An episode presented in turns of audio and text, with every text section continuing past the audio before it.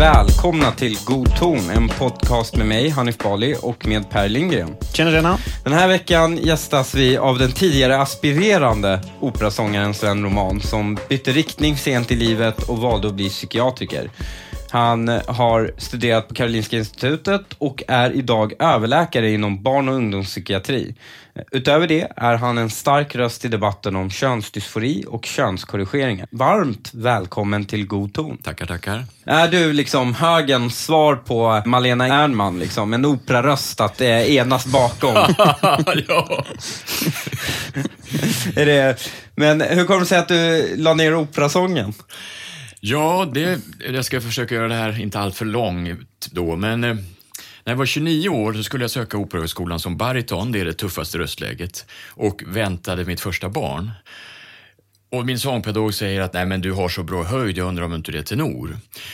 I min generation fanns... Är, är det en humble brag i operasångarkretsar? För jag menar, tenor, de, de tre tenorerna, eller vad heter Ja, de? precis. Är det inte de som är de stora stjärnorna? De tre, exakt. Tenoren är den stora stjärnan. Det är han som har första älskarrollen. Rollen.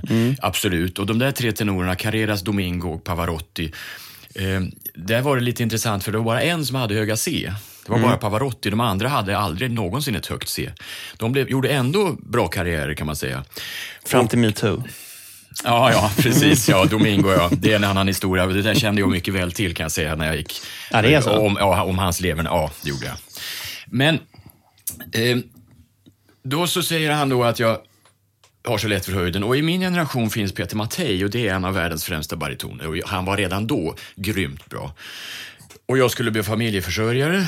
Så tänkte jag till nästa lektion, nu ska jag visa honom. Jag har en baritonal djup klang, en viril klang skulle jag visa upp. Men han säger samma sak efter den lektionen. Du har så bra lätt för höjden, jag undrar om inte det är tenor. Och jag hade alltså studerat in då tio arior inför sökningen var tre veckor kvar. Men då tänkte jag, nej men då eh, hoppar jag över det här. Jag försöker skola om mig, få de där sista tonerna. Får jag ett höga C, då ligger världen öppen. För jag insåg också att man utbildar för många på Operahögskolan. Det räcker inte att komma in, man måste vara the top of the top. Om man nu ska få ett bra liv med sin familj. Och så fort, försökte jag, men jag fick inte de allra sista tonerna. Jag blev ungefär som José Carreras och Placido Domingo, nästintill. och jag ville få höjden som Pavarottis och då sökte jag Karolinska. Okej. Du- Så du var ett... eh, Du eh, siktade för högt helt enkelt.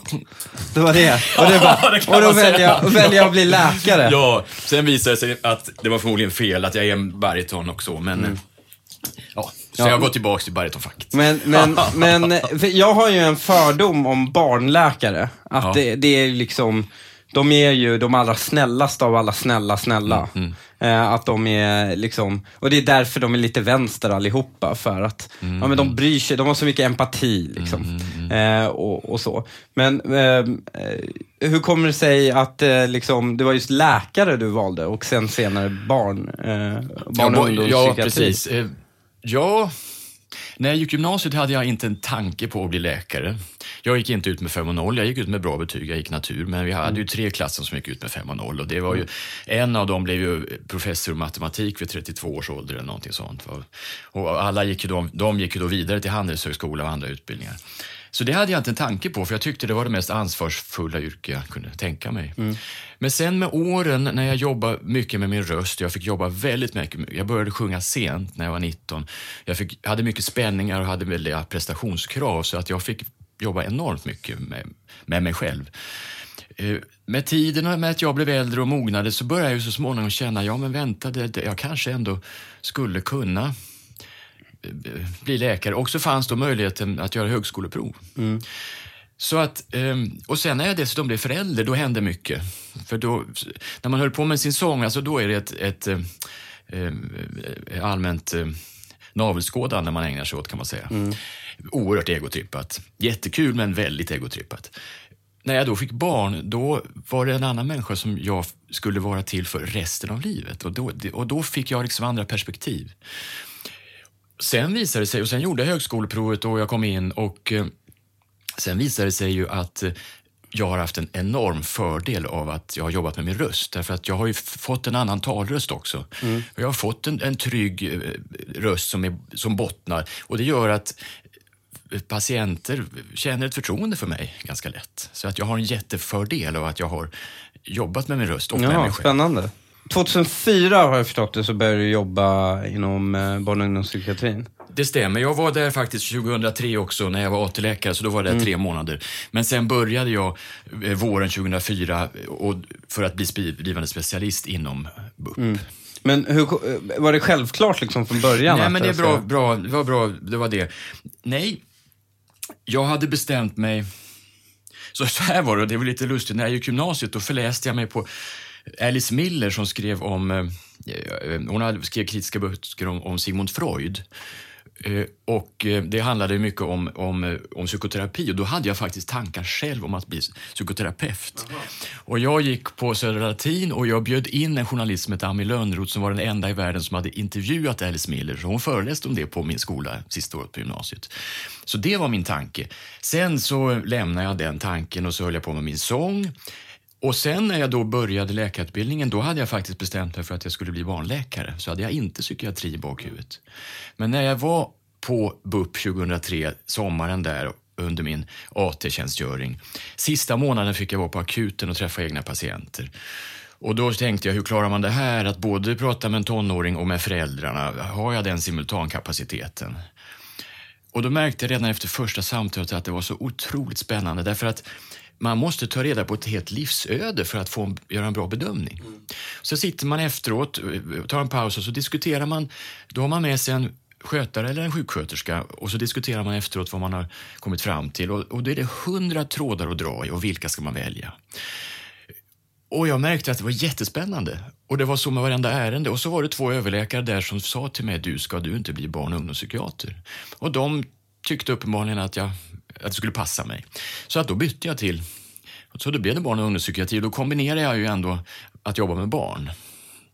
Men jag, jag stötte på dig genom att jag var på ett eh, seminarium om, eh, angående könsdysfori.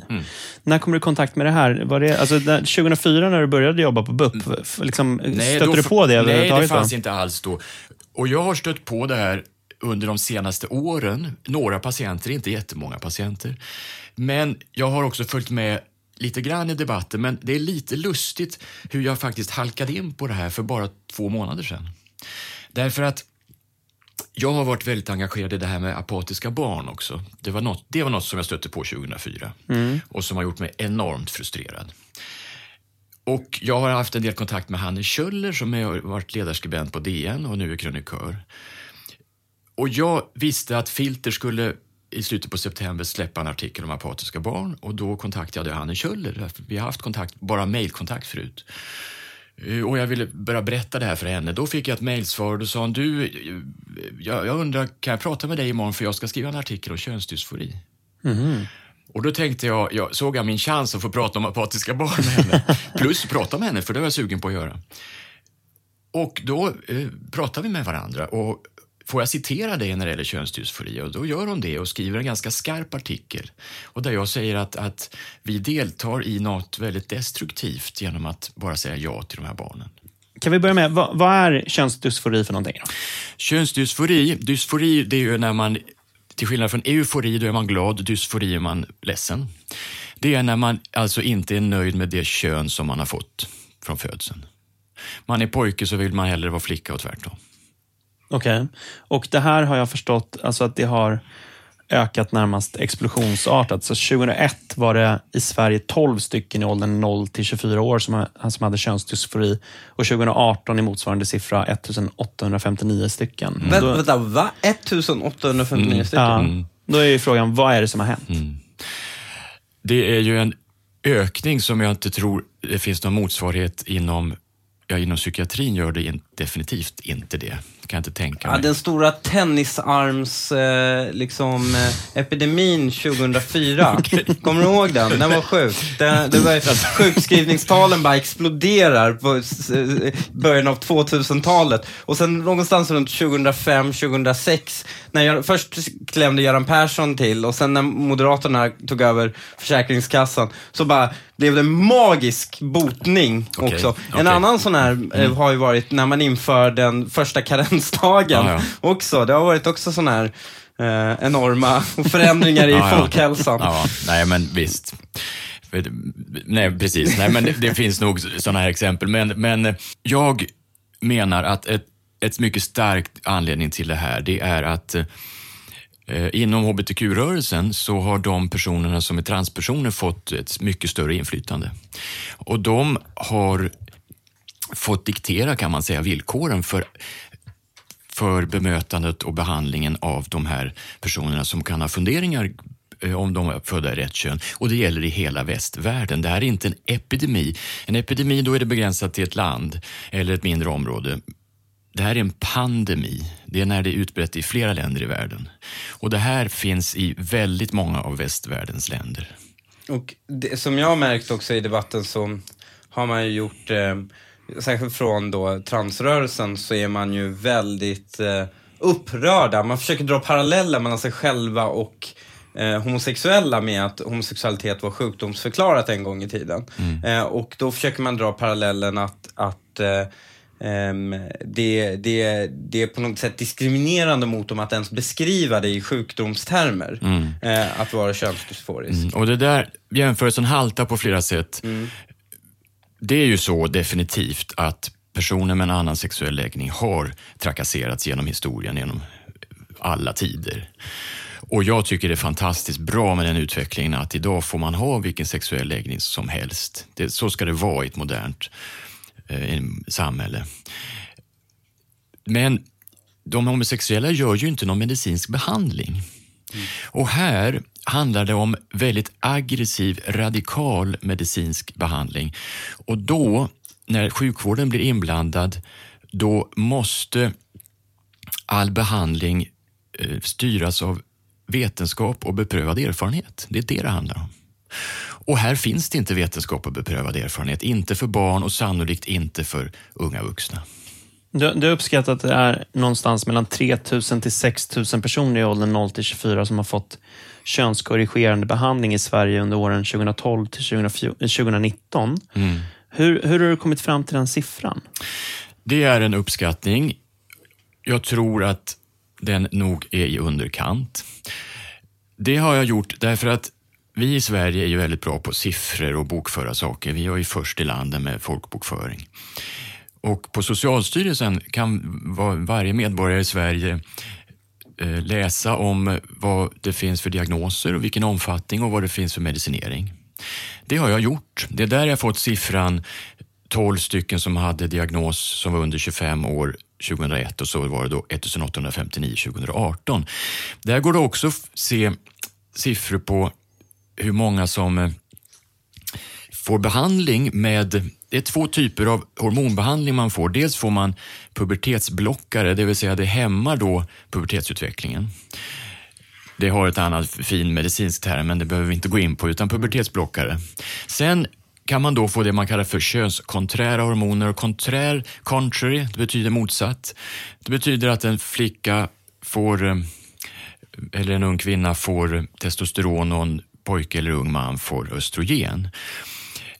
Här kan man då se i åldern 15 till 19 år har jag tittat på hur många som har fått 2018, hur många som fick könsdysfori-diagnos och så har jag tittat på hur många som har fått de här, typerna, de här två typerna av hormonbehandling, alltså antingen pubertetsblockare eller könskonträra mot, eh, eh, hormoner. Och då har det landat på ungefär 67 procent. Men då finns det en del som kan ha fått båda medicinerna samtidigt. Mm. Och då har jag skrivit ner den siffran till 60 procent. Ja, okay. Sen har jag då lagt ihop från de här åren 2012 till 2019 gjort en uppskattning hur många som eh, har fått, haft könsdysfori-diagnos och då är det naturligtvis en del som är uppgivna under flera och samma person. Därför blir det en väldigt uppskattning på mellan 5 och 10 000 totalt. Och det, räknar man 60 procent på 5 till 10 000, ja då blir siffran 3 till 6 000. Okay. Och det betyder 3 till 6 000 som har fått hormonbehandling. Det är färre som har fått eh, genitalkirurgi, alltså att man opererar könsorgan mm. eller att man tar bort brösten. Det, och det vet jag inte hur många det är av de här 3 till 6 000. Men redan den här hormonbehandlingen är alltså irreversibel behandling som ger sterilitet och har väldigt mycket biverkningar. Va? Men för, för alltså en sån här sak som, som jag märker, en te- tendens jag ser i hur man just bemöter barn som kanske inte har traditionella, uppvisar traditionella könsmönster. Eh, det är väl att eh, som allting som rör så att säga sinnet så är det ju ett spektrum såklart. Eh, Medan man försöker applicera en ganska digital Eh, vilket är ganska ironiskt. Ja, just det. Eh, för att man pratar ju om att kön, alltså just eh, många inom transvärlden pratar om att kön är ett spektrum. Men man applicerar en väldigt digital syn på det när det kommer till barn. För tidigare fick tjejer vara tomboys och killar fick vara sissies. Och sen så växer de upp och kanske blir straight eller, eller växer ur det eller bara normaliseras det eller är lite butchiga och så vidare. Men nu så ser man det som en indikation på att den här personen har fel kön och så förstärker man Ja. det genom att berätta det. Liksom. Ja, nej men du det, det, jag håller absolut med att, att det finns, det, det är liksom antingen eller. Och det är väldigt konstigt för i psykiatrin Alltid, alla psykiatriska diagnoser, det är ett kontinuum. Det är alltså olika grader. Man kan säga, det som är fascinerande med psykiatrin tycker jag, det är ju att vi har alla lite grann av de här olika symptomen egentligen. Va? Eh, Men det är ju först när det blir en funktionsnedsättning som det blir en, en sjukdom och som man behöver hjälp. Eh, och, och, ehm, och, och så, ser vi på, så ser vi på alla psykiatriska diagnoser egentligen. Men i det här fallet är det precis som du säger. Och det leder också in på hur man vill att de här ska bemötas som, som har tankar om att de har könsdysfori. Därför att inom könsdysforivården i Sverige, och det är på varenda mottagning, så har man något som heter affirmativ behandling. Och den betyder att man bekräftar personen helt och hållet och säger att okej, men då kan du få hjälp och då kommer du må bra. Jag vill, så gör vi aldrig annars, vare sig psykiatrin eller somatiken, alltså kroppssjukvården. Vi lyssnar självklart på patienternas upplevelse, vad de tänker och tycker. Men vi tar ju in en, vi gör en samlad bedömning. Jag som barn och ungdomspsykiater jag gör till exempel många neuropsykiatriska utredningar där frågeställningen är ADHD eller autism. Ja, då ingår naturligtvis vad patienten säger. Det görs, eh, han eller hon gör en massa skattningar, föräldrarna gör skattningar, psykologen gör en massa, jättemånga tester. Eh, Vi samlar information från skolan. Jag gör min intervju av barn och, och, och föräldrar, gör min kliniska bedömning ur beteendet, barnets beteende. Jag gör en kroppsundersökning, där får jag också mycket information. Sen sätter vi oss ner och lägger ett pussel och det är helhetsbilden. Vi sätter aldrig en diagnos för att barnet eller föräldrarna önskar det. Det, men det, det här känns ju som sån här, den postmoderna ideologin i sin spets. Liksom, Mm, nästan att din upplevelse trumfar all form av alla... Ja. Alltså, Och jag menar att om man drar det till sin spets, då kan vi avveckla hela sjukvården. Då kan man sitta med sin smartphone och så skriver man att jag har det här och det här tillståndet, jag vill ha den behandlingen, och så trycker man på returknappen. Det låter i och för sig som väldigt, väldigt bra för mig som har ett väldigt stort behov av, av mediciner jag inte får tillgång till. Men, men du tog upp autism också. Eh, så är det ju eh, väldigt vanligt, alltså det här är ju Coens teori om att autism är den extrema manliga hjärnan. eh, som han, och eh, väldigt många tjejer med autism upplever könsdysfori helt enkelt. Men att de växer ut det eh, efter puberteten. Men under puberteten så, så så, eh, så känner väldigt många att de har fel kön. Eh, just, de kanske inte är intresserade av samma sak som alla andra tjejer är och, och sådana absolut. saker. Eh, men det här är ju, eh, du har ju beskrivit det här som en, en potentiell skandal liksom i, ja i alla fall i modern tid, alltså om vi tittar på antalet människor.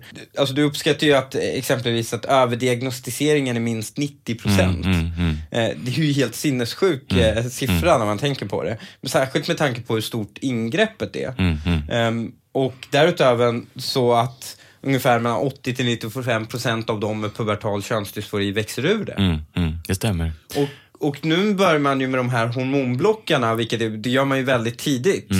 Eh, och jag har tagit del av lite data som visar att det har väldigt kraftiga negativa konsekvenser på kognition. Eh, och liksom, Det är ett jättestort experiment helt Ja. enkelt vi håller på med.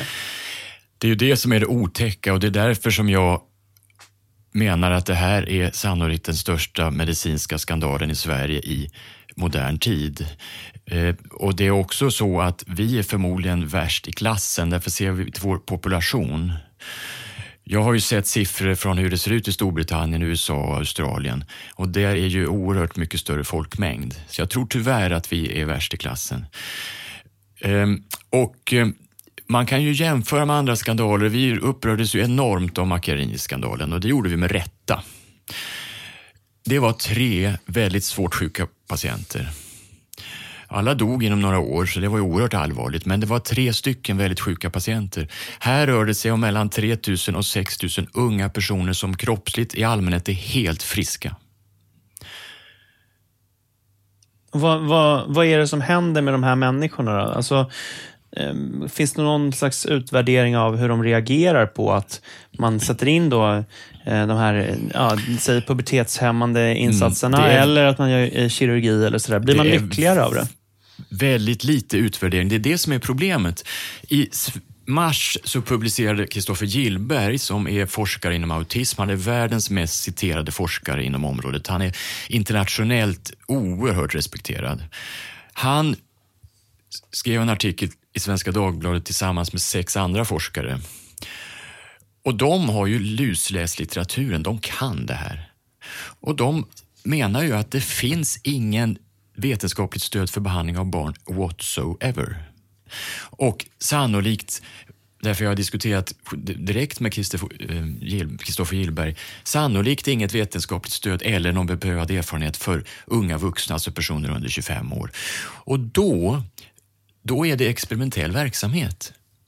Och att göra det på tusentals personer, det är fullständigt barockt. Men om man, eh, om man säger så här, för att visst är det väl så att det var någon lagändring eller sådär som gjordes vid 2012, är det inte så? Vilket, eh, Att man inte, just det, att man inte ska steriliseras när man gör könskorrigering. ja. Och eh, de som är för detta, alltså den som är för nuvarande ordning säger väl ungefär så här att ja, den ökningen vi ser nu, det är ett resultat av lagändringen 2012. Och då skulle man ju som en förlängning av det som man kunna säga så här att ja, att det inte finns data att tala om är ju för att folk höll sig ifrån att vi genomföra de här Precis. åtgärderna innan 2012. Mm. Då är problemet för de som säger sådär att eh, vi ser exakt samma utveckling i Storbritannien, i USA, i Australien, i Nederländerna.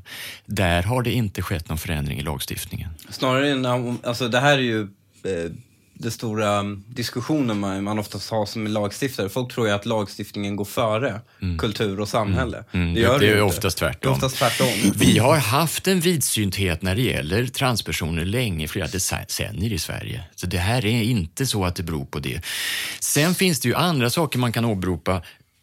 Psykiatrisk diagnostik, det bygger på en diagnosmanual som den amerikanska psykiatriska föreningen kommer ut med ungefär vart femtonde år. De sitter DSM. ner DSM heter den. De sitter ner tusentals psykiatriker och så kan man väl säga att de röstar om symptom som ska ingå i olika diagnoser. Det säger något också om vår diagnostik. Det är ingen absolut vetenskap. Det är subjektiva symptom i ett kluster, i, i grupp så att säga, som det under en viss tidsrymd som presenteras på ett visst sätt. Det är depression eller ADHD eller könsdysfori. Då. Men det är ingen, absolut ingen naturvetenskap. Vi kan inte ta blodprover. Vi kan inte, eh, så det är väldigt subjektivt. När de då kom med sin eh, DSM, sista DSM-5 som kom 2013, då är ju förarbetena gjort åren innan. Eh, och den här epidemin började 2012, så att allt arbete är gjort innan epidemin började. Då bygger den på 70 procent pojkar, de har låg samsjuklighet, det är debut i barndomen eller som vuxna. De har få eller inga symptom, svårigheter under barndomen. Det har gjorts få eller inga studier på flickor. Symptomen är grundade i social roll och beteende, könsroll. Och de mår mycket bättre när de får sin könskorrigering. Då. De här som har kommit sedan dess, ja det skiljer sig på alla de här sju punkterna. 75 procent är flickor. Minst 75 procent har samsjuklighet. Och då är det alltså upp till 50 procent som har autism eller autismliknande svårigheter. Och då har man svårt med sin könsidentitet, med sin identitet överhuvudtaget som ju alla tonåringar har svårt med. Debuten för de här är i tonåren efter puberteten. Det skiljer sig där också. De har påtagliga symptom, påtaglig funktionsnedsättning. Det är få pojkar som har den här gestaltningen och symptomen är oftast grundade i identitet, inte könsroller eller sociala roller och dessutom är det då ofta en försämrad funktion efter att de har kommit ut som transpersoner. Det är en helt ny grupp. Det är som jämföra äpplen och päron.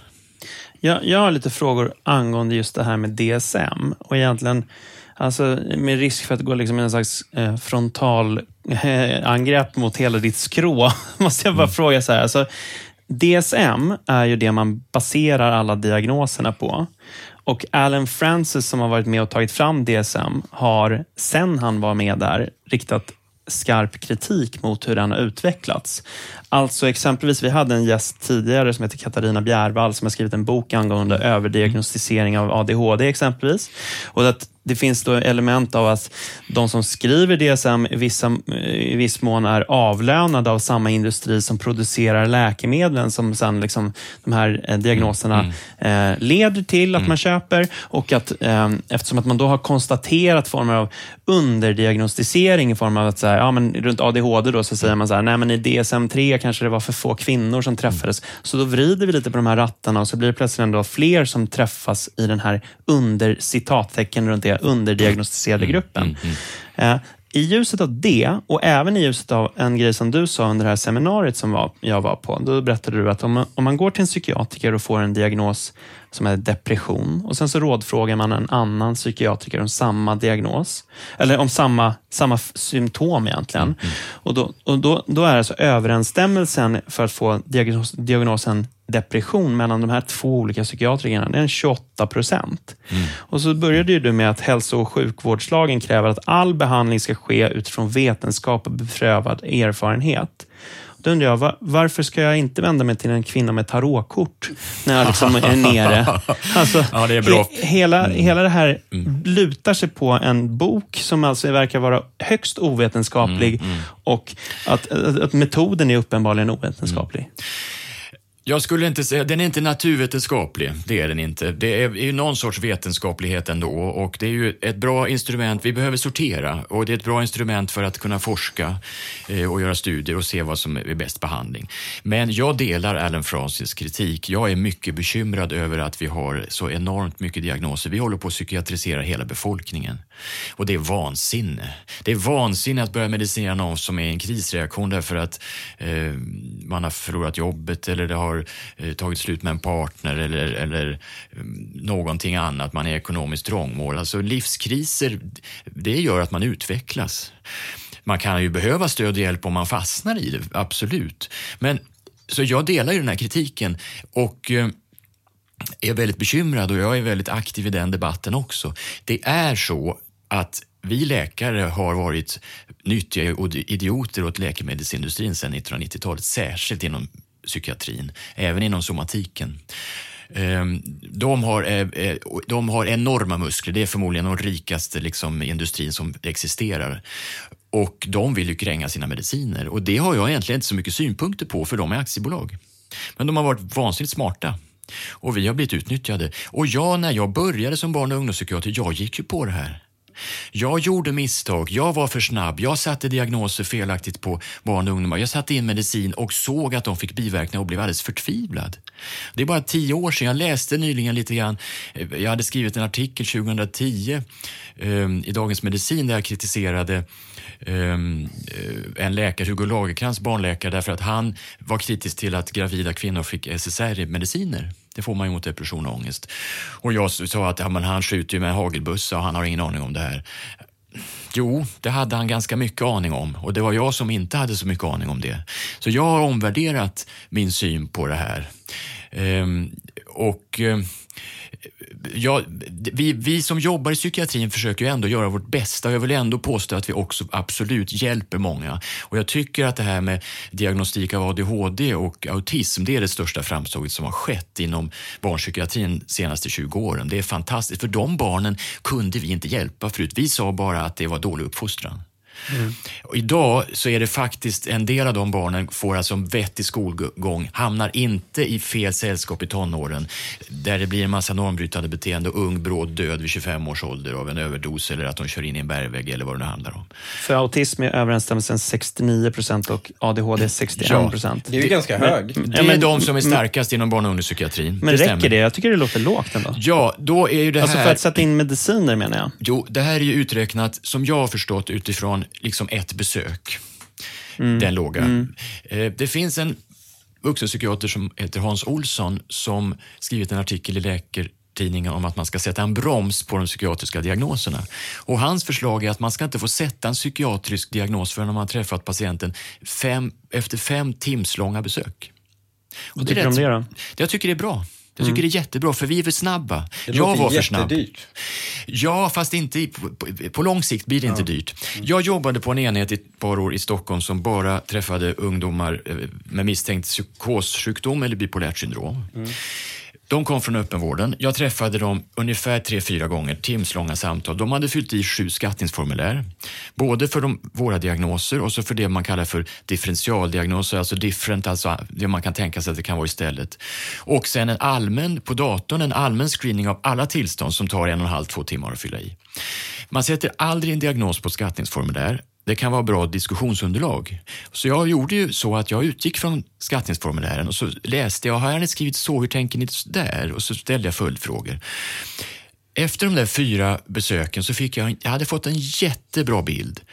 Det var bara 10-15 procent som jag skrev in på vår enhet. Och det är, är väldigt positivt för att de två tillstånden har man livslångt och de, det önskar jag inte min värsta fiende att ha, framförallt inte psykossjukdom. Men jag fick ju jättemycket idéer om vad det handlade om istället. Så när jag skrev remissvar till öppenvården, då skrev jag respektfullt förstås vad jag tänkte att det skulle kunna handla om. Så att jag menar att då hamnar man rätt. Va? Vi behöver inte göra en bedömning och träffa fyra, fem timmar varenda patient, men för de där det är lite klurigt, där det inte handlar om en sorgereaktion eller olycklig kärlek eller någon sorts livskris, eller där kanske vi kanske märker att det här faktiskt kan också handla om de, det vi kallar för utmattningssyndrom eller någonting sånt. Men utan där det är mer komplicerat, ja då ska vi ägna tid i början så vi hamnar rätt. Men alltså samtidigt så, även om eh, bilden ges nu att eh, psykiatrin träffar fel, så de, den data vi har på till exempel Ta till exempel, det var jättevanligt att psykiskt sjuka föräldrar dödade sina barn på 80-talet exempelvis. Och det har ju minskat radikalt fram tills nu. Och Brå tillskriver nästan hela minskningen just bättre mediciner. Eh, och liksom, eh, alltså att det har varit en stor anledning till det minskade våldet. Ja, alltså, det. eh, Jag, mm, och jag tror, det här är ju det som har sagts, det finns lite roliga paralleller hur man, vad, är hönan och ägget och, och vad är kasualitet och sådär. Det där är ju en jättesvår fråga. För i Sverige har självmordstalen minskat avsevärt eh, från början på 90-talet. Vi låg på ett snitt på 2100 självmord per år fram till början på 90-talet och sen så har det sjunkit och stabiliserats på ungefär 1500 per år. Det är en nedgång på 30 procent och det kom samtidigt med de här SSRI-medicinerna. Och då har ju naturligtvis många hävdat att det beror på det. Men så enkelt är det inte därför att i andra jämförbara länder har det inte skett den här sänkningen. Och det jag tror att det handlar om och det som man då kan, jag kan ge Vilket datum var det den här sänkningen skedde? Ungefär. Ja, det skedde från början på 90-talet. Det låg på 2100 i genomsnitt och sen har Det det var sjunkit. regeringen Bildt alltså. ja, det är bra. ja, det var de där 500 procenten det. exakt. Nu får DN något att skriva om. Hanif backar Bildt. exakt. Nej, men, men jo, och då, då, då, då, då tror jag att det som man kan ge credit för till läkemedelsbolagen för vad de var, hur de var listiga, hur de gjorde för att få ut sina mediciner. I Sverige får man ju inte marknadsföra direkt till patienter, det får man göra i USA. Det var ju att eh, locka läkarna på konferenser till Bahamas eh, eller eh, Sydafrika eller någonting sånt. Och då skulle det handla om de här diagnoserna som man inte hade pratat så mycket om, social fobi eller ångestsyndrom eller någonting annat. Och då fick de föreläsa om det. Då tänkte man att det här fanns någon vetenskaplighet kring det. Och sen så var naturligtvis lösningen, behandlingen, ja det var naturligtvis deras mediciner. Så det var den vägen de kom in. Men det de gjorde som var bra, det var ju att de fick, vi fick upp ögonen för de här tillstånden. Och det tror jag är en förklaring också att läkarna såg personer som hade depression, såg varningssignaler, tog det på allvar, eh, träffade patienterna. För det kan lika väl ha varit det att de, patienterna blev sedda och att man ställde de här frågorna och uppmärksammade det. Det finns en jätteintressant studie som heter Gotlandsstudien på depression. Man utbildade allmänläkarna i eh, depressionsdiagnostik på 90-talet och då sjönk självmordsfrekvensen. Men sen, de stannade inte så länge, så några år senare så höjdes det igen. Då satsade man på en ny utbildning. Då sjönk den på samma sätt. Så problemet kanske ligger bara hos att kompetensen inom sjukvården? Ganska mycket är det faktiskt det det handlar om. Att upptäcka, att förstå att då allmänläkarna ser att det här kan vara depression, det kan vara tecken på, och ta det på allvar och att de här personerna blir... Det finns en intressant eh, eh, fråga till patienter. Vad är det viktigaste med en läkare? Är det att den är kompetent eller, eller vad handlar det om? Nej, det viktigaste är att jag känner att jag blir lyssnad på. En, en eh, aspekt eh, som är viktig här är ju alltså att tillförlitligheten i diagnoserna blir, blir eh, större eller ökar bland vuxna i förhållande till barn. Om man kollar på PTSD så är det eh, 67 procent för vuxna medan det är 34 procent för barn. Och, i, och I ljuset av det blir det då intressant att fundera över just könsdysfori där man alltså sätter in pubertetsblockare mot individer som alltså inte ens har kommit in i puberteten. Vad, vad, vad tror du då, alltså med, i, liksom med allt det du säger, varför fortgår det här? Alltså, varför finns det, eller finns det en motvilja att liksom se verkligheten? Jo, jag tror att det här beror på att vi har dåligt samvete gentemot de här personerna som har trakasserats. Och jag tror att det handlar om det vi kallar för identitetspolitik.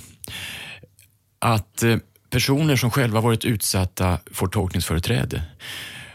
Det här finns ju mycket diskussioner kring det här och, och det innebär till exempel identitetspolitiken att jag som vit man, jag kan inte prata om rasism. Jag kan inte prata om feminism, att kvinnor blir förtryckta. Ehm, och i mitt yrke så kan jag ju egentligen inte göra bedömningar av självmordsrisk för jag har aldrig haft en tanke om att jag inte vill leva. Och det är en återvändsgränd. För vi har i vår demokrati inskrivet i vår grundlag att vi ska respektera minoriteter av alla slag. Och det gör att när man fattar beslut om, som handlar om transvården till exempel, eller hbtq-frågor, eller saker som kan handla om eh, någon minoritetsgrupp eller religion, då har vi också alltid med representanter. Och då diskuterar vi sam samråd. Och det är så en demokrati fungerar. Och här har det blivit väldigt tokigt. Och det har vi gjort tror jag i välmening, så jag tror inte att det har varit um, något annat skäl bakom. Det, det finns en oerhört intressant um, graf som jag tror att jag hade med som jag, ja, över um, hbtq-frågor i deras årliga rapporter, hur mycket ord som härstammar från de olika delarna inom hbtq-rörelsen för de mm. olika åren. Och då är det alltså, för 20 år sedan så var det bara någon procent som kom från transvärlden. Övrigt var då från de manliga homosexuella och från lesbiska och så från de bisexuella.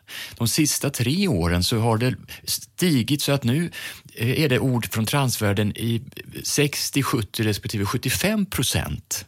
Det, det är alltså, de dominerar nu. Men de måste också vara den absolut minsta gruppen. De är den absolut minsta gruppen och tidigare siffror så sa man ju att en på 20 000 är transperson. I Sverige, som har 100 miljoner invånare, betyder det att det skulle finnas totalt 500 transpersoner. Men det är så himla sjukt, för, för i, i just, och det här var ju, vi tog upp det tidigare, men i just den här pushen att se sexualitet och könsidentitet som ett spektrum, eh, så kommer ju det här språket då från transvärlden, mm. att, att se det mm. som ett väldigt stort spektrum. Mm. Eh, vilket i och för sig det är ju svårt att övertyga, liksom, det vore svårt att övertyga mina bögkompisar om att de inte skulle gilla just män. Mm, eh, det, är ju, det, är ju mm. liksom, det, mm. det, är väl någorlunda hugget i sten, mm. den definitionen för dem. Men jag menar, eh, det, det, kommer det här språket har ju kommit in eh, väldigt mycket. Men samtidigt så är lösningen alltid så, alltså så extremt digital. Alltså ja. det är verkligen att slå med en yxa. Men, Binär. Binär, heter det. ja, ja, precis. Men, Men här, här är... det Jag, har- jag höll mig första två gångerna. Varför? Får man inte säga digital? Eller? Nej, det är 0 till 9. Binär är 1 och 0. Digital. Ah, Ja, ja. just det. det Ja, borde men- jag ju fan veta som, som programmerare. Men eh, eh, det här är ju, eh, men alltså för när det kommer till eh, eh, just självmordsrisken, när det kommer till könskorrigering, så, så är det ju allt, alltså att när, eh, alltså att det saknas vetenskapligt stöd att könskorrigering minskar självmordsrisken. Mm, det gör det. Och det där tycker jag är särdeles allvarligt att man har använt det tyngsta argumentet man kan använda egentligen inom psykiatrin, att självmordsrisken ökar. Det får man inte använda utan att ha belägg för det. Förklara, vad, när har det använts? Det har använts i den statliga utredningen som presenterades i december 2014. Där påstår man felaktigt på fem ställen att de som står i kö, um, unga personer, barn, alltså tonåringar, de som står för kö, i kö för könskorrigering riskerar att ta sitt liv. Det finns inget belägg för överhuvudtaget. Det finns inget belägg för att könskorrigerande behandling minskar självmordsrisken.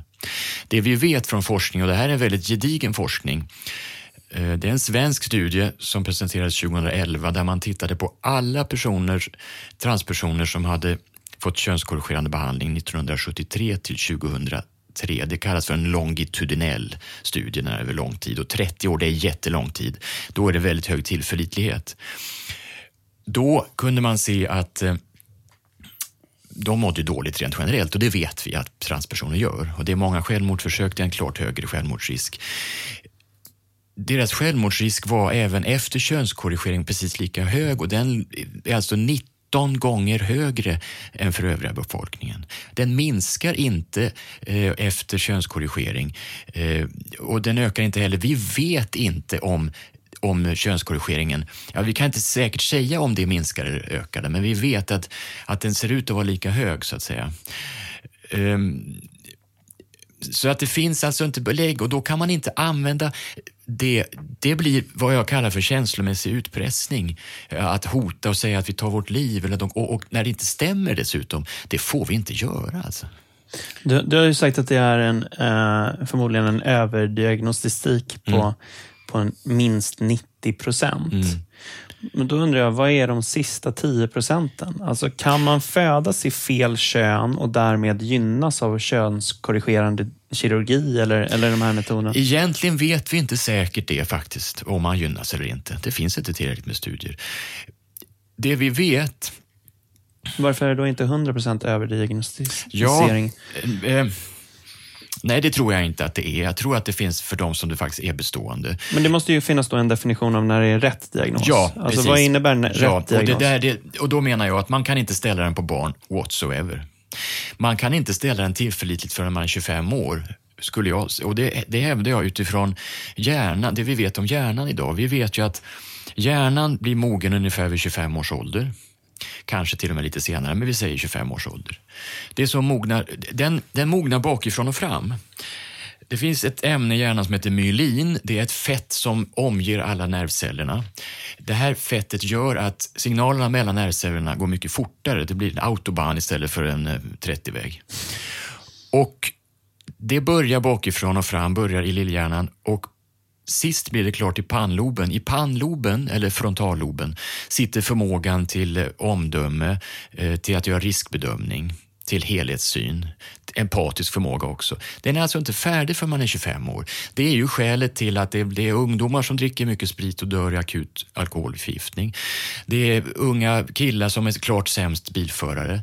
Det är de som utför en del av de här eh, avrättningarna. Det är 19-åriga killar med automatvapen. Därför att man har inte omdömet. Och det är också därför vi har en lagstiftning att man inte får sterilisera sig i Sverige förrän man är 25 år. Därför att en sån här förändring, du kan ju inte göra en större förändring med din kropp än att byta kön.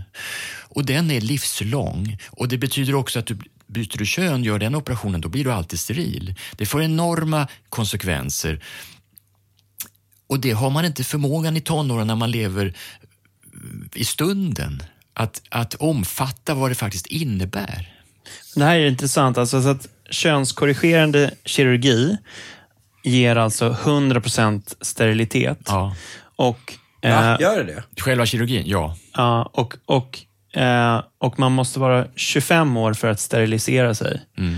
Men nu då ligger ett nytt förslag på bordet. Vill du berätta någonting om det förslaget? Ja, det är det här förslaget som kom och presenterades i, efter utredningen i september 2014, efter en utredning som är undermålig. Att man ska sänka gränsen till 15 år, att ett barn ska kunna själv bestämma. Från 15 års Så, ålder. så man ska alltså kunna könskorrigera sig från 15 års ålder som innebär 100% sterilitet, men man måste vänta till 25 års Ja. ålder för att sterilisera Ja. sig. Ja. Vad, vad finns det för em, eh, biverkningar om man kollar på de här pubertetsblockare, könskonträra hormoner, östrogen och så vidare? Vad, vad, Mm. vad, är det liksom, vad är det man dribblar med när man sätter in det här? Ja, då är det ju så. Pubertetsblockarna, några av biverkningarna, det påverkar ju som Hanif sa faktiskt hjärnan också. Dessutom så är risken att man blir steril av pubertetsblockare. Benskörhet, det är särskilt allvarligt för um, om, man, om man är född kvinna. Därför att det är de som får benskörhet när de blir äldre, det är väldigt vanligt.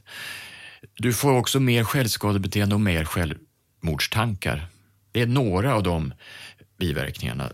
Sen har vi de här könskonträra hormonerna och då är det, för båda sorterna får man förhöjda blodfetter och då får man ju risk för blod- hjärt-kärlsjukdom och förstadier av diabetes. Men dessutom om du då som man får östrogen då ökar risken för blodproppar, stroke, viktuppgång, högt blodtryck, gallblåsesjukdom och bröstcancer. Tar du testosteron, du är alltså född flicka eller kvinna, då ger det leverpåverkan. Systemi, polysystemi det är eh, HB-värdet blir högt, mycket röda blodceller och då kan man få blodproppar och blödningar. Vi vet inte effekten på bröst, livmoderslemhinna och äggstockar när man får testosteron. Troligtvis är det cancerframkallande och av amerikanska läkemedelsmyndigheten FDA klassas testosteron som beroendeframkallande. Och det finns studier på transmän och då har de bara behandlats i fyra år. Det här ska man ju ha livslångt. Och då redan efter fyra år så ökar risken för hjärtinfarkt. Och Det här då eh, vill man kunna sätta in från 15 års ålder enligt det här nya förslaget. Och det baseras också då på den här studien som du har Ja, kritiserat. alltså, medicinerna kan man ju, sätter man ju ibland in tidigare, särskilt sopphormonerna, men man vill ju kunna göra just den här kirurgin för 15 år sedan. Men alltså, Men den för- studien, kan du inte berätta, för eh, när vi eh, gick med hit du och jag, eh, så, så nämnde du att eh, den har publicerats i en amerikansk tidskrift Ja. som nu har riktat kritik mot den. Ja. Va- va- vad är det som har hänt där? Det sändes ju ett program med Uppdrag granskning ganska nyligen som heter Tranståget 2. Några dagar senare, dagen efter, så skrev den som gjorde den statliga utredningen och två av de läkare som var experter eh, en eh, debattartikel på SVT Opinion där de eh, försvarade sin utredning och menade att det här om att med risker och eh, att de står i kö och att de, risken för självmord är ökad. Att det hänvisade de till en studie som nyligen har publicerats. Och då visade det sig, och det här skrev vi om i en debattartikel igår, jag och åtta kollegor, varav tre är professorer, flera är forskare och de har lusläst artikeln. Då visade det sig att den här studien de hänvisar till, den fick inte etikprövningstillstånd förrän i november 2017, den 9 november 2017. Det är nästan tre år efter att utredningen publicerades. Vad betyder det då? Etik? Det betyder att de kan inte hänvisa, de visste ingenting om studien eh, i december 2014. Det här är en efterhandskonstruktion. Det är alltså en ren lögn. Och det är jätteallvarligt. Av någon anledning, det verkar ju vara något politiskt beställningsverk, alltså att man ska beställa, för det har ju varit, de här frågorna är ju uppe nu, alltså man ska ha ett tredje juridiskt kön och så vidare, har blivit så här, jag tror främst Miljöpartiet som har drivit på det här väldigt, väldigt mycket. Ehm, jag antar att det passar väl i deras image eller någonting att, att, att göra det. Men för just på det politiska hållet har jag inte förstått Jag tyckte att, eh, jag har i alla fall fått det intrycket att i Sverige är vi någorlunda restriktiva. Det är i alla fall det intrycket jag har haft, att vi gör riktiga utredningar och sånt. Jag har ju läst om i Kilett exempelvis, mardrömsexempel från USA, där man börjat med pubertetsblockare efter andra läkarbesöket exempelvis. mm, och så. mm. Ehm, Det känns som att riktigt där är vi inte, för ingen får träffa en andra läkare förrän för jättelänge i Sverige, Mm. för vi har så långa vårdköer. Så, så liksom, eh, det känns som att vi har något av en kanske starkare barriär det Men du ger ju ett helt motsatt intryck till mig nu. Eh, man blir ju på riktigt eh, väldigt upprörd eller, och, och eh, orolig. Mm. För jag menar, som jag har förstått men alltså att det helt saknas vetenskapligt stöd och beprövad erfarenhet mellan 0 till 17 år när Yes. det kommer till Ja, det gör det. Alltså det saknas helt forskning. Det här är bara, ja. folk bara provar. Ja. Och mellan 18 och 24 så saknas det liksom eh, också i stor Sannolikt saknas det. Mm. Och sen därefter finns det lite forskning. Ja, därför att den forskning som är gjord, jag berättade om den här studien eh, från 1973 till 2003. Ja, det är ju gjort på män som gjorde om sig till kvinnor. Och de var i genomsnitt 30 år gamla. För, ja, man undrar ju, nu blir jag ju väldigt, man undrar ju hur mycket som är fåfänga som ligger bakom. Och nu, bara så här, misstolka I vilken mening? Ehm, I den meningen att om du gör det tidigt så ser du mer ut som en kvinna. Det jo, men det, men det är ju så. med. Alltså, pubertetshämmande, alltså man stoppar ju puberteten. Du sätter ju du in de blir här en pubertet... snyggare transsexuell Ja, men det är du... ju så att det här är ju de här männen som driver det här, som är 30 år och äldre, de hade önskat att det gjorde så. Men problemet är ju att sålla agnarna från vetet, att i en yngre ålder ha en tillräckligt hög tillförlitlighet. Jag kan jämföra med bipolärt syndrom, som heter monodepressiv sjukdom tidigare. Där, och det här kan jag ju väl eftersom jag jobbat på en sån enhet i Stockholm och som faktiskt var först i världen som, eh, att ta emot tonåringar.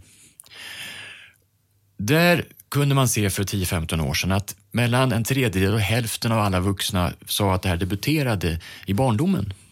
Och då tänkte vi alla, men då ska vi se till att hitta det då. En tidigt insatt behandling borde förbättra prognosen.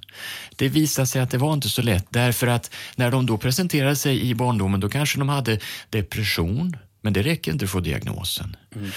Du måste ha haft både depression och åtminstone en hypoman episod, det vill säga du har eh, Maniskt är man väldigt, väldigt uppvarvad eh, och eh, en riktig manisk person tro, tror att han eller hon kan stoppa, stoppa tunnelbanetåg i Gud själv och sätter igång projekt som inte avslutas, sover några timmar per natt och är ändå igång och så och är personlighetsförändrad. Hypoman, ja då är man också personlighetsförändrad men inte till den graden. Va? Man är liksom inte psykotisk, man tror inte att man är Gud själv och så vidare. Men då ska man ha haft både en episod av det här hypomani eller depression. Och då visade det sig att ja, det var väldigt få som uppfyllde kriterierna. Det har gjorts en doktorsavhandling, en kollega till mig som gjort det i Uppsala om det här och han kunde konstatera att nej, tyvärr, vi hittar inte dem. För då om vi skulle ta dem, då blir det en enorm överdiagnostik. Mm.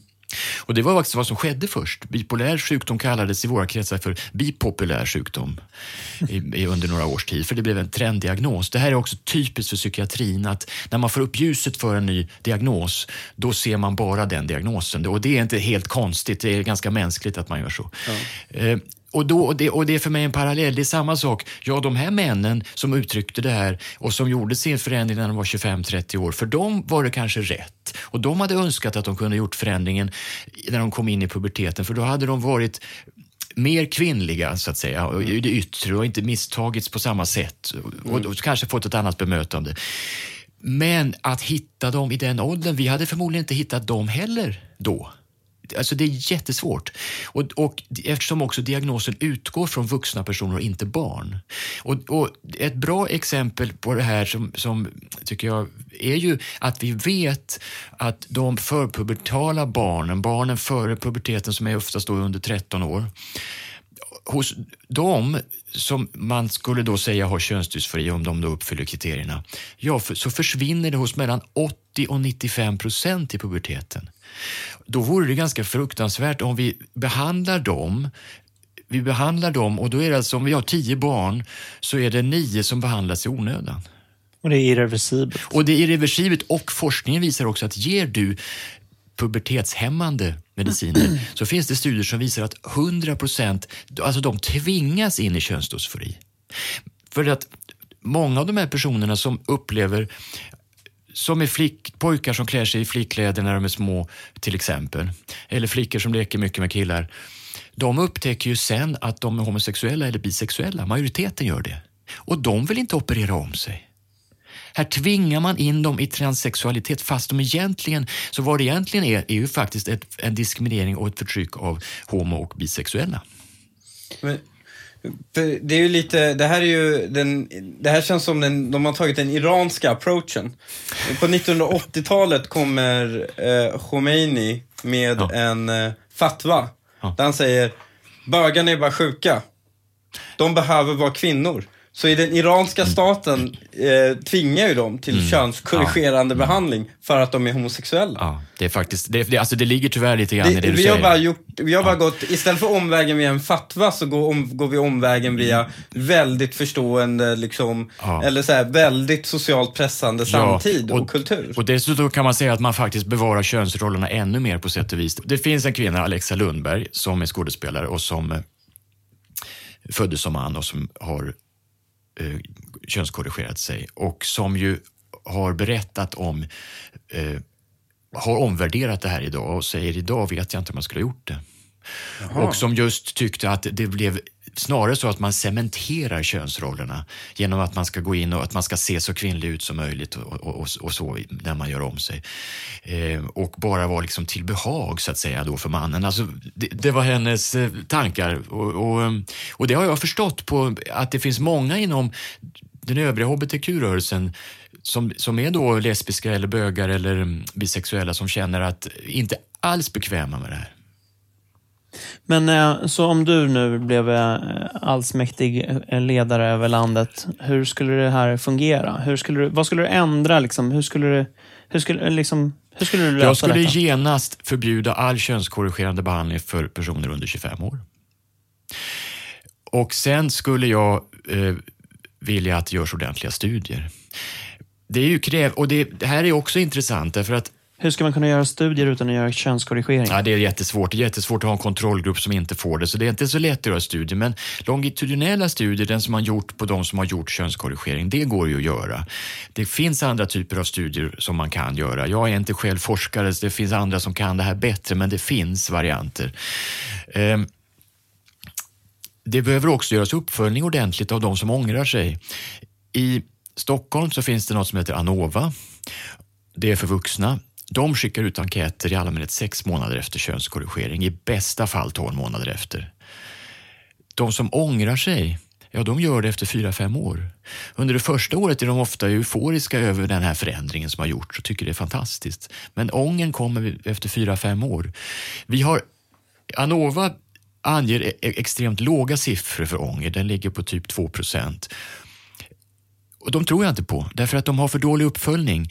Och i USA finns det en studie av 27 000 transpersoner. Det är en enormt stor enkät. Och där är det de som har bytt från man till kvinna så är det 11 procent som ångrar sig och forskarna tror att det är mångdubbelt fler därför att det är dubbelt skamligt att ångra sig. Dels så blir man utfryst av hbtq-rörelsen transpersonerna. Dels har man redan blivit kanske utfryst av sina tidigare anhöriga och vänner. Ja, men alltså det finns ju en...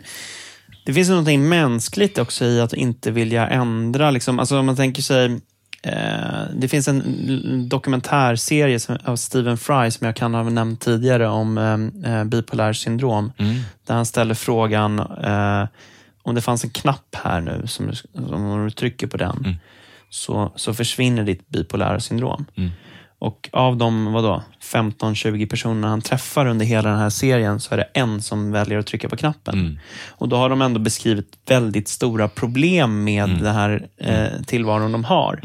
Jag, jag vet inte riktigt vad det be- bevisar, men min syn på det är väl egentligen att man helt enkelt inte man väldigt sällan väljer liksom, eh, någonting annat än det man har.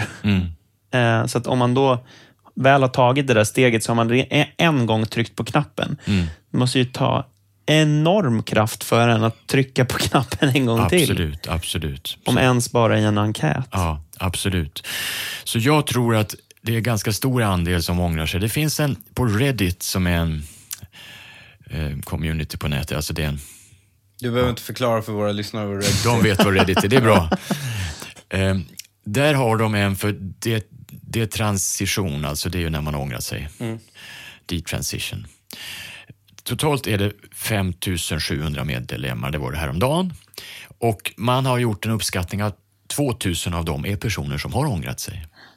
Det är företrädesvis personer från USA. Det är alltså jättemånga. Va? Så att det här stämmer inte med siffrorna och det blir jättemånga e- på grund av att personer som fattat beslut om det här inte varit mogna för att fatta beslut om det. De har inte haft diagnosen. De har varit under 25 år. Hur gammal var du när du tog beslutet att lämna operasjungandet bakom dig? Ja, var, det var jag 30 år. Ja, det var, en, ja, men det var en bra koppling faktiskt. Därför att jag kan ju säga för egen del, när jag var mellan 18 och 23, det var mina värsta år i livet. Då var jag en sökare. Jag visste inte vad jag skulle bli. Jag hade gått ut gymnasiet och bestämde att jag ska i alla fall inte plugga direkt. Jag kommer från en lärarfamilj, så mina föräldrar har heller aldrig varit ute i verkliga livet om jag hårdrar lite grann. Eh, och jag eh, hade varit duktig i skolan men kände också att jag behövde slipas av lite grann. Va? Jag var ganska gymnasial som, som man är. Jag trodde ju att jag hade svaren på alla frågor. Och jag fick jättetuffa år mellan 18 och 23. Och jag kan säga för min egen del, om jag tänker kring det här som handlar om sexualitet och så, jag var osäker själv. Inte att jag var homosexuell, men jag var slow starter när det gällde liksom motsatta könet. Och det var ju jättejobbigt. Och sådana här funderingar har ju alla. Så det är inget konstigt. Och jag tycker nog inte att det var förrän efter jag var 25 ehm, och, och sen när jag fick barn, då hände det mycket. Så då var frontloben färdigutvecklad. Ja, då kom ja. du fram till att nej, det blir barnpsykiatri, det blir inte tenor. det blir det, ja precis. Och det var dessutom ett väldigt klokt val. Jag hade inte blivit lycklig tror jag som operasångare. Men om jag får eh, byta ämne bara lite kort. Ja, I och med att du har varit engagerad i debatten om eh, eh, just apatiska flyktingbarn mm, mm. och de apatiska barnen. Berätta lite, nu har det varit lite skandaler, alltså det har ju det här rullats upp där Um, Filter har uh, äntligen pratat med de här barnen som har växt mm, upp. Uh, äntligen får man höra deras röst. Mm. Och, uh, och de de har pratat med säger att nej men vi blev tvingade. Och ibland har det ju inte, så att säga, så de vittnar har det ju inte ens varit frivilligt för föräldrarnas skull, utan de har blivit tvingade mm. av sina föräldrar. Mm. Så det har inte ens varit en simulering för sina föräldrars skull, utan nej. de har liksom tvingats och då barnen ville inte göra det. Um, och det här har ju liksom cirkulerat väldigt mycket rykten och prat om, mm. men det har ju funnits väldigt lite fakta på bordet, mm. i alla fall för gemene man. Utan då har det istället varit sån här, det jag har tagit del av exempelvis är människor som till exempel eh, gör utvisningar mm. på de här barnen och barnen liksom promenerar av planet. Mm. Eh, mm. trots att de var, de var tvungna att bära in barnet på planet, men väl när utvisningen är gjord så, så, så slutar man helt mm. enkelt. Och, mm. och lite sån här vittnesmål, man har ju hört talas om de här fallen i Norge där man har separerat föräldrarna från barnen mm. och barnen tillfrisknat. Eh, och det här var ju eh, jag, kom, jag var ju väldigt liten jag gick i gymnasiet men jag, mm. när, under, när det var som värst den här debatten och jag kommer ju ihåg hur extremt politiskt laddat det var. Mm. Eh, och det var just eh, var så liknande just den diskussionen man hade om åldersbedömningar. Mm, mm, eh, jag, mm. det var ju direkta paralleller, och det var ju samma debattörer också. Mm, alltså det var ju Barnläkarföreningen eh, och de aktivisterna som fanns i styrelsen där. Eh, så eh, berätta lite, hur, hur kom du i kontakt med det? Jag började min bana på BUP, 2003 var jag där på sommaren som AT-läkare och så 2004 kom jag tillbaka. Så det var, jag tror att det var då 2004 som jag kom i kontakt med det första gången. Det kan ha varit 2003. Men, och då, min, då, då var jag ju lite förfärad först för att jag skulle läsa journalen och träffa ett barn och en familj. Och då skriver den här överläkaren, då, färdiga specialisten, om att det är samma historia som vi har hört gång på gång. Att eh, barnen har suttit i, sina, barnen har suttit i sin klassrum och så har det kommit grönklädda män och då, då menar man ju personer, militärt klädda personer och tagit barnen ur klassrummet och gjort eh, otrevliga saker med dem. Och jag tänkte, men hur kan hon skriva så här i en journal? Det här är ju rasistiskt. Jag blev ganska förfärad. Så träffade jag de här åren 2004-2005 fyra barn som jag alla besökte i deras hem över hela Storstockholm. Föräldrarna sa att de varken åt eller drack. Om man inte dricker då, inom tre dagar är man döende. Och det finns en massa tecken på när man inte har druckit. Man får bland annat eh, eh, intorkningstecken, man kan göra tester på huden och så. man får ju påverkat puls och blodtryck och svälter man så, så syns ju det, att musklerna förtvinar, att man blir eh, insjunken i ansiktet etc. Jag hittade två diskreta avvikelser i puls och blodtryck. Frågan är om den inte var inom det normala trots allt. På två av de här tonåringarna allt annat var helt normalt, normalt tonårshull, inga tecken på intorkning. Det betydde att föräldrarnas utsagor stämde inte. Jag började diskutera med erfarna kollegor. Jag var i början på min att bli specialist så att jag diskuterade ju med många. Och de sa ju precis samma sak allihop. Det här handlar inte om psykiatri, det här är politik. Mm. Nu har ju alla börjat ubåta den här frågan, de som var delaktiga, så att säga. Jag tror, Ehm, men folk pratar ju om det här så i, i liksom imperfekt, som om det redan har skett. Alltså det var någonting som skedde tidigare. Men av, av det jag kan, den data jag kan ta del av så är det ju fortfarande ett, eh, eh, liksom, i alla fall eh, 70-80 barn om året fortfarande. Det är fortfarande så och nu har de dåligt med statistik på det vilket är också är lite intressant att det inte fungerar med statistiken. Jag har ju jobbat på olika orter i Sverige sedan de senaste fem åren och jag, där jag var senast så, så i, under den här våren 2019 så fanns det fem sådana här barn. Det var på en liten ort i södra Sverige och två av dem sondmatades. Jag träffade ett barn i juni och det här berättade jag i när jag var med i Malou von Sivers program Efter tio. Eh, och det var ett barn, en tonåring som hade efter det sista avslaget Eh, lagt sig ner och hade fungerat väldigt bra i skolan och varit social och hållit på med idrott. Och nu hade då sondmatats i tre och ett halvt år. Och eh, jag gjorde en anmälan till socialtjänsten och det var oerhört upprört och agiterat i rummet. Och jag förklarade att jag är skyldig. Alla som jobbar med barn måste bara vid minsta misstanke och ert barn har legat nu i tre och ett halvt år i en rullstol och blundat och blivit sondmatat och jag har ingen aning om vad som händer med hjärnan. Mm. Så jag bara måste göra det här. För ni har inte lyckats bryta det här tillståndet. Sen i slutet så tog man min hand och, det var så, och jag var så en väldigt duktig läkare och så ville man ha, gärna ha ett intyg till Migrationsverket. Och då sa jag, ja nu är det ju så att det här, ja, det här är vården och jag är till för ert barns skull. Och, och ett intyg från min sida spelar ingen roll, så jag kommer inte skriva något.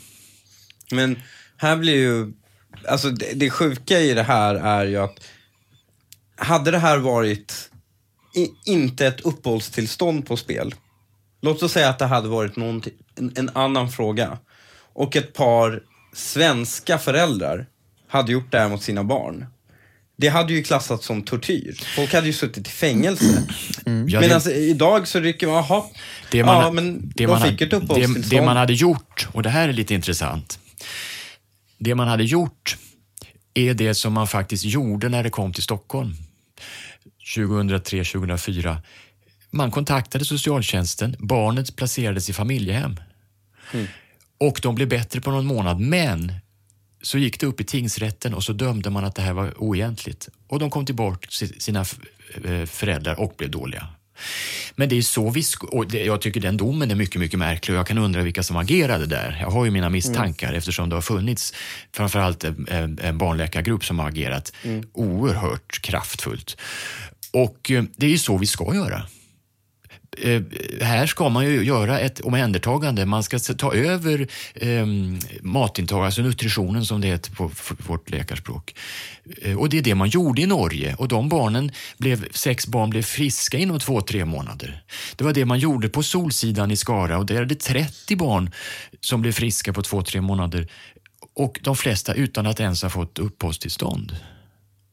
För det här har ju varit den här magiska sjukdomen där bara ett permanent uppehållstillstånd verkar ha varit botemedlet om man, om man mm. förstod Barnläkarföreningens ja, tes. precis. Uh. Och det motbevisas av vad man säger på Solsidan, så det är också ja. fel. Men det är så mycket fel i den där, därför att de har drivits politiskt. Det gjordes en alldeles utmärkt statlig utredning. Och när den presenterades i april 2005 Då stod det också om den här möjligheten till simulering. Den var väldigt välgjord. Jag rekommenderar alla att försöka läsa utredningen. Det finns tre delar. För att det är en väldigt välgjort och de var nere och åkte till alla de här länderna. De fick ju redan där reda på. Och det här vet vi ju då att när man flyr idag så sker det via eh, att man eh, ofta via att man får betala för det, smugglare. Ja. De fick redan där reda på vad de skulle göra för att komma till Sverige. Så de fick redan där instruktioner om hur de skulle göra. För Men det jag- var jag- det berättade man ju för de som åkte dit. De berättade öppet och de blev ju häpnade över att man berättade helt öppet om hur det gick till. För det, var, det här var ju också, det var ju också regionalt. Det skedde ju, det är bara vissa grupper som gjorde Det det. var alltså, forna Sovjetstaterna, några Mm. republiker, Azerbajdzjan, Kirgizistan eh, eh, bland annat. Eh, Och det var eh, forna eh, nere på Balkan. Vissa grupper, eh, eh, ofta eh, uigurer och romer som då är, lev, har levt utanför samhället och varit trakasserade också, Mm. definitivt. Inget barn kom från krig. Men jag undrar en sak. Du säger att det tog eh, två, tre månader för dem att tillfriskna efter att de hade fått eh, nutrition, eller vad det hette. Ja, just det. Men, men vadå, de var ju aldrig sjuka. Det var ju simulanter. Hur, varför tar det två, tre månader? Det borde gå på ett ögonblick. Ja, delvis gick det fortare också. I Norge gick det fortare ibland. Där kunde det gå på dagar eller några veckor. Ehm, Barnen kan ju upprätthålla det i rädsla ja, för sina föräldrar. Men, men det är också intressant med de här första barnen i Stockholm där de redan på en månad när man bestämde att de skulle bo i ett familjehem så blev de friska. Alltså du får ju, du, du, föräldrarna gör ju för barnet gällande att nu hänger hela familjen på dig. Mm, nej, men jag fattar. Jag fattar den logiken. Jag ville bara mest eh, fundera över ifall det var att, man, eh, att det fanns några faktiska sjukdomstillstånd eller sådär. Men då är det fortfarande det. Det är rädsla för föräldrarnas repre- repressalier. Men, men jag tittar ju på den här frågan, ur, om man tittar på det ur ett politiskt perspektiv så påminner det ju väldigt, väldigt mycket om åldersbedömningarna. Alltså, det handlar om att man vill inte erkänna att man har gjort fel, för det är så många människors anseende som står på spel. Och också systems anseende som står på spel. Alltså, tar man åldersbedömningarna exempelvis, ehm, så eh, där är det ju alldeles uppenbart att det har varit väldigt, väldigt eh, tunga röster som har varit in, inblandade i debatten. Sen har stora institutioner förstärkt de här och bekräftat de här rösterna.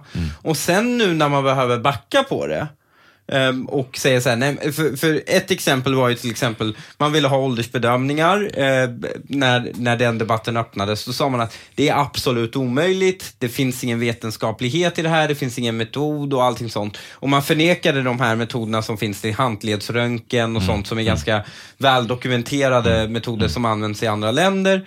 Men sen när man når den punkten 2015 att man måste börja med det, och för att rädda anseendet på då Henry Ascher och Barnläkarföreningen, men också Socialstyrelsen.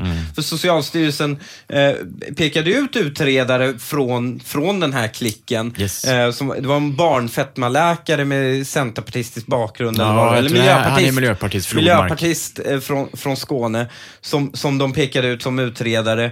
Eh, och, och för att rädda anseendet på Socialstyrelsen, alla de här, Mm.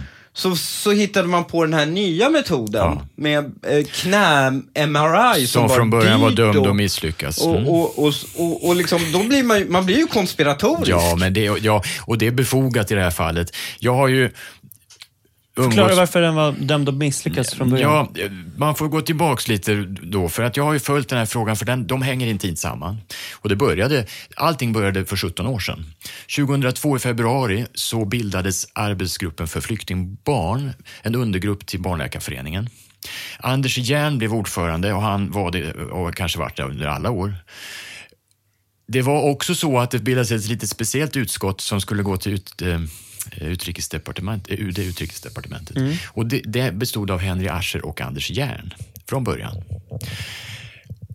De har varit mycket inblandade i det här med apatiska barn. De var med på en experthearing på Socialstyrelsen 21 juni 2005. Och de har skrivit, det här går att läsa på nätet, där de skriver att det här med simulering är fullständigt otänkbart. Och barn tar inte regi på det sättet, säger de. Första numret av Läkartidningen 2008, då har Henry Ascher tillsammans med en barnpsykiater, som jag inte riktigt förstår hur den personen tänkte, men skrivit en artikel, de har haft en konferens om apatiska barn och där skriver de i sammanfattning att det här med simulering och förgiftning förekommer, kan absolut inte förklara tillståndet. Så det påverkade hela de riktlinjerna och eh, trots att Socialstyrelsen hade en konsult som besökte den här Solsidan så finns inte det med i de riktlinjerna som man antog 2012 och 2013. Det är samma personer som figurerar när det gäller åldersbestämningar. Det är Henry Ascher och det är Anders Järn som motsätter sig och påstår fullständigt felaktigt, och det här är ju intressant parallellt till könsdysfori, att eh, det inte går att göra det säkert. Sen insåg de att det var ohållbar situation och då ser de till att välja en av de sina, för Flodmark har suttit i styrelsen för den då centrala barnläkarföreningen. Så då får de en person som gör som de vill och som då söker enkom på engelskspråkig litteratur. Och då får inte Flodmark läsa om allt som man har gjort i nordtyska staden Münster från år 2000. Där har rättsmedicinare från hela världen samlats totalt 130 stycken och utarbetat riktlinjer. Redan 2010 var det en av rättsmedicinerna som menade att har man fått visdomständerna eh, framvuxna, då kan man med 94,5 procent säkerhet säga att personen är vuxen. Bara med en metod. Mm. De la ju till, förutom röntgen av visdomständer, att man skulle ta handledsröntgen och så skulle man ta datortomografi på skuddebladen. Och då får man en väldigt hög träffsäkerhet. Sen ska man naturligtvis alltid hellre fria än fälla, så får man ett spann så att säga åldersmässigt så är det självklart att man, man säger att det här är ett barn, om man bedömer att någon är mellan 17 år och 11 månader och 19 år och 11 månader, ja, då gör man den bedömningen. Om det skulle vara det spannet till mm, exempel. Mm. Men det går alltså att göra det säkrare och det går att göra med en mindre, en mindre felmarginal än så. Det, det, det, jag tyckte, förlåt, men det jag tyckte var superspännande är när man sköt ner metoden på, på knäna så använder man sig av just tänder och handled och sånt som ett index och mäta just knämetoden för. Och så bara, det passar för att skjuta ner den här metoden. När man tar till det man vill och det var ju så man gjorde med apatiska barn också. Det var så Gellert Tamans gjorde i sin, sina böcker. Man tar till det som passar en och det andra dissar man. Va? Man, man lagar efter läge. Och, eh, vad, vad, tror du att är deras drivkraft i det här? Varför? Det är ideologi. Eh, de vill och det är så tydligt. Henry Ascher har tre gånger kandiderat för kommunistiska partiet i Göteborg. Det är inget demokratiskt parti. Det är han och Sven Wollter som eh, tycker det är ett bra parti. Säkert en del till, men det är de som jag känner till. Och det är ju ett marxist-leninistiskt parti. Han har också varit och åkt med Ship to Gaza till Palestina två gånger 2010-2011. Det kanske inte är något konstigt att göra det, men han har helt klart eh, jo, står långt ut på vänsterkanten. Ja. Och eh, eh, Anders Järn vet jag inte. Det finns en tredje person i den här gruppen, Olle Jeppsson, som eh, var med eh, och sprang in på Båstad 1973 när Sverige spelade mot Chile som definitivt har sympati, sympati långt ut på vänsterkanten och som sa häpnadsväckande saker i boken om eh, de apatiska som Gellert Tamas skrev. Eh, där säger han, ja, jag kan inte förstå det här. Jag har ju som koll på det här barnet som får sondmatning och så vidare. Och, eh, och, och personen går ändå inte ner i vikt. Det, det, här måste ju handla om att, att de går in i någon sorts ide, ungefär som björnar. Och det är så dumt som man, alltså, klockorna stannar. Då, då borde han, om han har kommit på det, då borde han få Nobelpriset.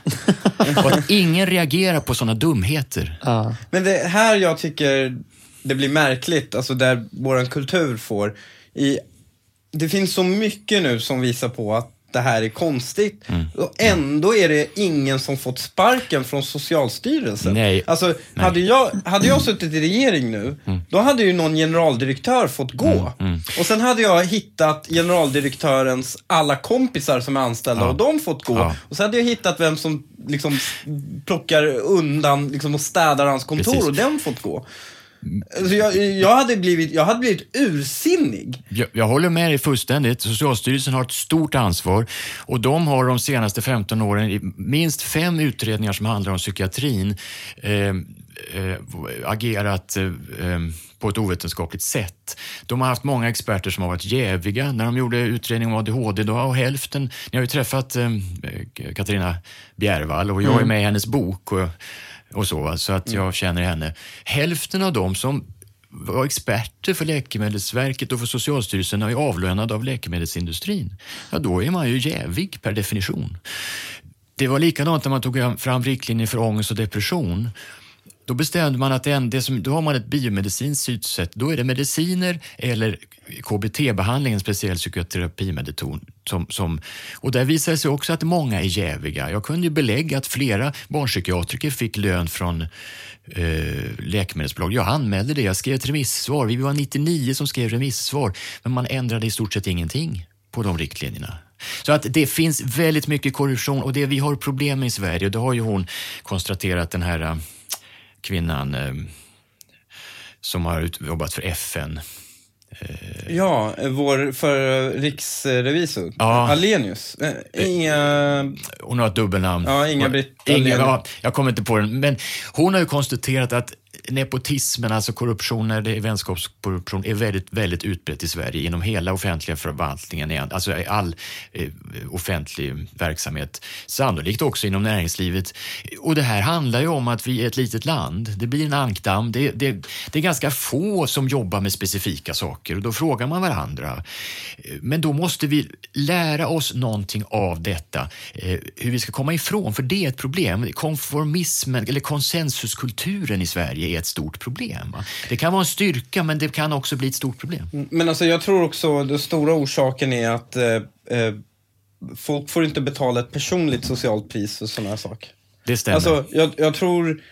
Så nu, om man skulle ta upp den här frågan nu politiskt, Mm. då skulle diskussionen bli om Socialstyrelsens riktlinjer och policyn. Mm. Men alltså, om, du, om personerna i fråga, Mm. om en generaldirektör, dess underchefer och så vidare, om deras jobb stod på spel, om deras offentliga rykte Mm. och heder stod på spel, då hade de agerat annorlunda. Medan det oftast gör det åt andra hållet.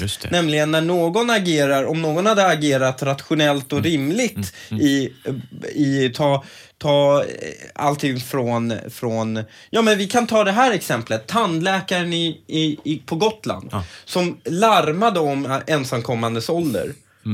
Eh, han larmade och använde sin yttrandefrihet och säga så här, jag har liksom märkt hos mina patienter att de har fullt utvecklade visdomständer och påstår sig vara 15 år. Det här går inte ihop. Nej.